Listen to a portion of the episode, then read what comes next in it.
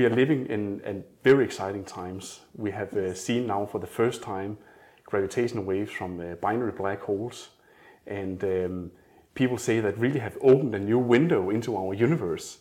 And you have been at the absolute forefront of this field here for many, many years. Um, how do you see this uh, window to be opened? Thank you. Well, it is indeed, mm, I would say, a very exciting time. I'm happy to live in this very particular time because um, in just few years, I would say less than a decade, we have been able to observe the first binary black hole, as you say, orbiting around each other, emitting gravitational waves, both of which were predicted by Einstein theory of general relativity. We have even been able to uh, see uh, really visually uh, a black hole from the black hole that we have at the center of our own galaxy, the closest, one of the closest galaxies or most visible galaxy, I would say, uh, astronomically a big galaxy like M87. We have um, also some indication from recent um, observations uh, from the pulsar timing arrays that there might be a huge hum, a background out there in the universe of binary supermassive black holes. So it's really a, a very special time with a lot of discoveries and a lot of discoveries. So that has been, you know, taking many, many years of establishing the observations that are actually working now. But part of it is also to uh, simulate, you know, the orbit of the black holes, right? So if we really, you know, gonna break this problem down, first you start with two black holes how they formed is, you know, an astrophysical problem. But once they are formed, you have them in their orbit. They orbit each other, they're getting closer and closer to each other, and they're getting closer by the emission of these gravitational waves, which are really perturbations in space-time, right? Yes. And as they're getting closer and closer and closer, at some point they form a new black hole. Mm-hmm. And that whole process really has been, you know, a mystery. How does these waves look like for, for many, many years? Like what are we looking for once we have the observation running, right? And, and you did some of the first simulations of Einstein's equations and predicted how these waves look like. So, so can you tell something about uh, that pioneering study? Yeah, that, that's correct. Um, so um, I've always been interested about binary black holes. So, um, you know, even if during my PhD I worked more on different aspects of black holes, I, I started working uh, during my postdoctoral researcher uh, as a postdoctoral in binary black holes. And, um, you know, this is a highly nonlinear phenomenon predicted by the Einstein theory of general relativity that when two black holes in spiral, but especially merge together, they emit such a very powerful burst of radiations. And because the Einstein's equations are the only way to predict what happens during the merger and during also what happened afterwards, um, we have to solve the Einstein's equation, the full nonlinear system. Now, the Einstein's equations are very beautiful and compact, written in the language uh, of tensors, but um, when you um, want to find specific solutions, it has been very, very hard to, especially solutions that involve binary black holes, because it's, um, it's, it's a complicated solution that has not only the black holes, the horizons that defines the black holes, but also gravitational waves that they emit. So it's a very difficult problem to solve um, to find a solution such in the Einstein's equation. And you only can do it um, by integrating the Einstein's equation numerically. So um, I started working on this um, as a postdoc. Um, and um, you know this topic grew on me. I learned more and more on how to do the numerical um, codes associated with you know solving these equations, and um, sort of almost magically around 2005, um, the first person who actually did solve the problem was Frans Pretorius. Uh, but um, you know he did solve it uh, using a completely different method and by that time um, um, uh, my group and, and, and me uh, we were uh, looking at solving the problem using a framework that um, uh, most of the people were using um, because you know there were decades that um, people spent decades in, in writing these very complex codes. And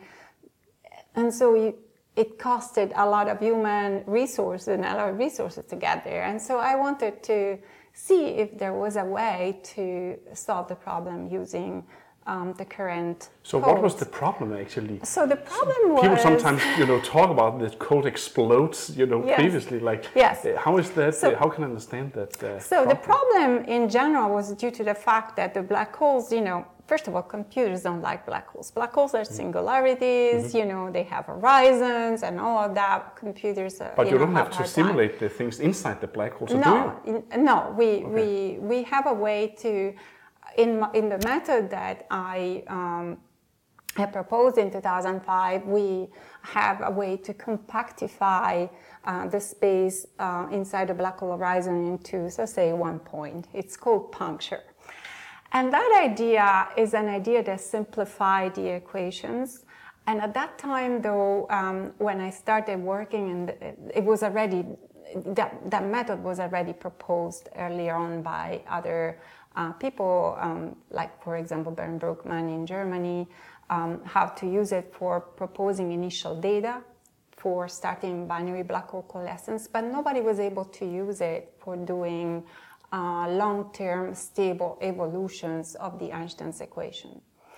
So, um, so the it, so we thought a little bit about it and what people were doing really, which was a little bit wrong, because they were asking these black holes, um, puncture actually, how they were treated, to actually be fixed on the grid. So they were not moving. So the idea was then you evolve the space-time around and you fix the black holes on the grid and you know everything should work. And so you don't have to worry about this puncture moving across the grid. But that was making the Einstein's equation scream because um, then all the dynamics that was supposed to go in actually the motion of the black holes orbiting around each other was going into the metric, the space-time itself. That was going really wild. And you know, the Einstein's equation are nonlinear and you have very, very steep gradients, you know. So the They- yeah, they- yeah, so you, you excite instabilities. So we realized that, and um, so we a little bit realized that um, when uh, you know um, I was looking at what actually people were doing for binary neutron stars, and so let's say what had happened if we actually remove this condition first that the black holes you know are fixed on, on the grid, and then you know suddenly we saw the code didn't crash anymore, but you know, I must say we had to go a little bit beyond that because then how do you move it, right? So you have to devise the proper gauge or coordinate conditions to uh, move it across the grid, and that took us a little bit of time because you know it's not entirely obvious, you know, how to do that. But once we were able to figure it, figure out this, um, you know, uh, figure out what gauge condition. This is why it's called the moving puncture gauge um, then you know everything worked like magically. It was like um, I don't know, wow, what happens, you know? um, so it was it was a very a very interesting um, time of, of my of my life. So what was the you know first few problems that you was looking forward to simulate and, and, and try to understand, or maybe you hope to see something new happen, right? Like where was the excitement at that point? The, the excitement was to discover what happens yeah. when black hole collide, and you know nobody was able to do this problem before, and so um, as soon as you know I, we realized we could do this problem, first of all we published our paper, and then everybody you know was excited because at that time um, you know you know, everybody had implemented very similar code because remember the method that I, we presented was basically based on a method that most of the group had implemented. So that changed the landscape of numerical relativity, which is numerical general relativity, solving the Einstein's equation numerically for, for binary black holes. And so, um, so first I was then in uh, competition with the rest of the world, and uh, so but it was a, an exciting time because obviously we were we were the first arriving there, and we just uh, did a few simulations. Um, you know, you know, the first thing we looked at uh, what happens if the black holes are spinning. Yeah. You know, we wanted to see if you know they're spinning very fast. They're spinning with the um, spins uh, aligned with the orbital momentum, or or you know against. So if you And think of like the black holes, right, not only have a mass, but they can also have you know, great spin, rotating, right? yes. And that spin could have been, you know, created either when the black hole formed or even when you merge two black holes, Yes. right? The, the the resulting black hole tend to have some Tend spin. to so spin, so yes. spinning black holes are really something that we believe are out there, you know. Uh, yes, everything rotates, you know, Yeah, all planets, all stars yeah, rotate, yeah. and black hole can really rotate very fast. So what did you find in, in So, some of so here is first- it. When black holes rotate, and they rotate very fast, especially if they rotate, you know, in a way that is not symmetrical. So they emit gravitational radiation when they emerge in a very asymmetrical way. So it's it's like the, there's more being in one direction. Can I think than about it like a recoil? when Yes, you're that's like exactly. shooting something, you get That's like a exactly. push in the opposite that's exactly direction. that. And so we discovered that black hole, the, the final merger of a black hole can get this huge gravitational wave recoil. So um, you know, can be getting um, to move at speeds of thousands of kilometers per second. So here we are talking about the final black hole that has The been final- formed, the final black the hole that merger, and then yeah. you simply get a kick after. it Yes, has, that is uh, correct, yes. Even the center of mass seems to be, you know, stationary before it's merging. Once it's merging, you get the recoil, and Yes. then the black hole simply shoots out with, It out with kil- at thousands of kilometers. yeah, thousand, and that is my seems you know a tiny fraction of the speed of light. But if you think about the escape velocity of the larger galaxies, like elliptic galaxy, that's comparable, and so that had a lot of implications. That's for a problem for if you want to say form massive black holes like the the the fact is that you see these very massive black holes right Yes. but how do you form them right and and and one way could be well you're just going to merge a lot of smaller black Yes. holes but now you're saying if they are spinning and the spins are not you know correlated they are you know sitting with some relative angles then you won't be able to grow them you just kick them out of the galaxy and you're basically yeah. lost Yeah. but of course you have to have very special uh, arrangements of these spins for Mm. getting into this situation. And uh, then, you know, there were astronomers who were looking at potential observation, but of course, you know, it's very hard to to see them unless they retain some gas with it. okay yeah So if they retain, because you know, uh, black holes at the centers of galaxies, uh, they are in a very gas-rich environment. So if the black holes get ejected, it can retain uh, an accretion disk, and that uh, is would be sufficiently could be sufficiently Oh, so you can actually see these Yes. kicked black holes by the emission of light from the accretion That is correct. Wow. And that's something that really excites me these days. Yeah.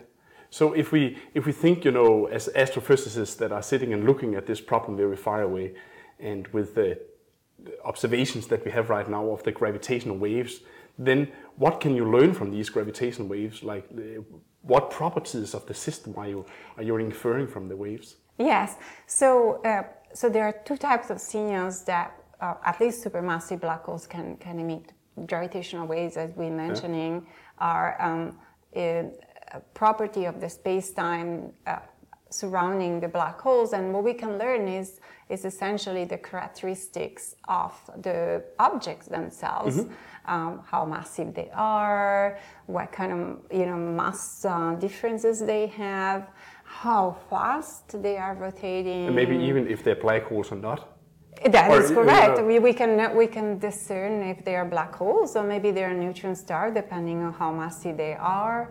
Um, we can see the characteristic of the orbits. Are they orbiting in a quasi-circular way, or are they the orbit are highly eccentric? For example, we can see a lot of the characteristic, and that tells us a lot about the environment where these black holes are, are sitting. Um, and so, and then another way to also Mm-hmm. that black holes, as we said, is light. But that required that the black holes have gas, surrounding gas. Oh, and yeah, that's okay, more yeah. probable Yeah. for supermassive black holes. So most of the black holes that we have seen so far with the LIGO has been like on the lighter mass, and you can say Yes. like you know a few solar masses up to about 100 solar masses Yeah. in different combinations. Yeah. Um, but if we look towards you know our own galaxy, as you also pointed out, you, you have a massive black hole there, and you have looked at that by looking at uh, you know stars orbiting over many many years. And you're saying also that there could be like these supermassive black holes orbiting each other in other galaxies. Yes. Um, like what are the different probes that that we can uh, hope to, to see that population Yes. within the in the future? Well, you know, um, we see galaxies merging, and um, that is um, now been seen in many of the observations. And uh, we know that most of the active uh, galaxies that have a very um, active galactic nucleus with a lot of gas and stars in the centers do host black holes in their centers. And these black holes might have millions to solar mass, millions to billions solar masses. So they're, they're really huge monsters. And so if galaxies uh, merge, um, astronomers today expect to see also black hole, their black hole merge as a consequence. And um, so uh, we have uh, some candidates out there, but you know it's really really hard to see what is at the core of the galaxy once they get very close. So in order to do so, to detect uh, really what kind of light they would emit, what kind of emission they would get, uh, one has to model that. One has to simulate that. And uh, I heard about some new observations from the pulsar timing arrays, right? Where that has indicated that is by mapping or using pulsars rotating neutron stars in our galaxy, using that as clocks, right? Yes. And you have measured some humming or some background of massive black holes. Um, and those black holes, I know that you're also trying to simulate with the whole structure of gas and, and, and all the, all the Yes. electromagnetic parts that you might see from, the, from that. So the combination of gravitational waves and, and, and electromagnetic signatures, how do you see the future of those two things coming together in the, Yes. you know, we can also go in the further future with these LISA uh, instrument is launched into space. Uh, Yes. So uh, I think this is very exciting because gravitational waves, it, uh, LISA, as you mentioned, is a space mission in the future, hopefully 10 years from now.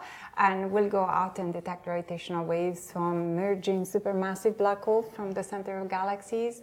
And gravitational waves, as we spoke about before, tells a lot, a lot about the space-time, the structure, the, how the black holes themselves are made, but how they are orbiting, etc. Now, the gas, the, there is ga- if there is gas um, out there, they, it would emit light. And if we can emit the light, the photons emitted by the gas, then we can learn a lot about the environment. Um, so, what kinds of environment is are you know close to these merging black holes? And so, from there, we can learn a lot about how uh, you know galaxies, um, you know centers of galaxies are formed, and you know uh, So with, with, with, with so many, you know, in the environment, so many kind of black holes, uh, what are the dream observation from your perspective that you Well- want to see, you know, within the next few years? More black Okay, holes. More black holes. more black holes. and I think um, more black holes, but with with gas, and as well as you know, um, I would like to see really um, you know lights and, and understanding also. You know, supermassive black holes also are seen to emit very powerful jets, right? So I would like to, to understand, you know, the origins of these jets and you know how how they become so powerful. And this is only, you know, uh, seen around these very large supermassive black holes, these very powerful jets that extend kiloparsec away from the origin. So they're extremely powerful. They're very strong magnetic fields uh, there. So there's nothing more powerful than a black hole. And imagine a supermassive black hole encountering another one. So, so this is really the start of a completely new era in astrophysics. That is correct, yeah.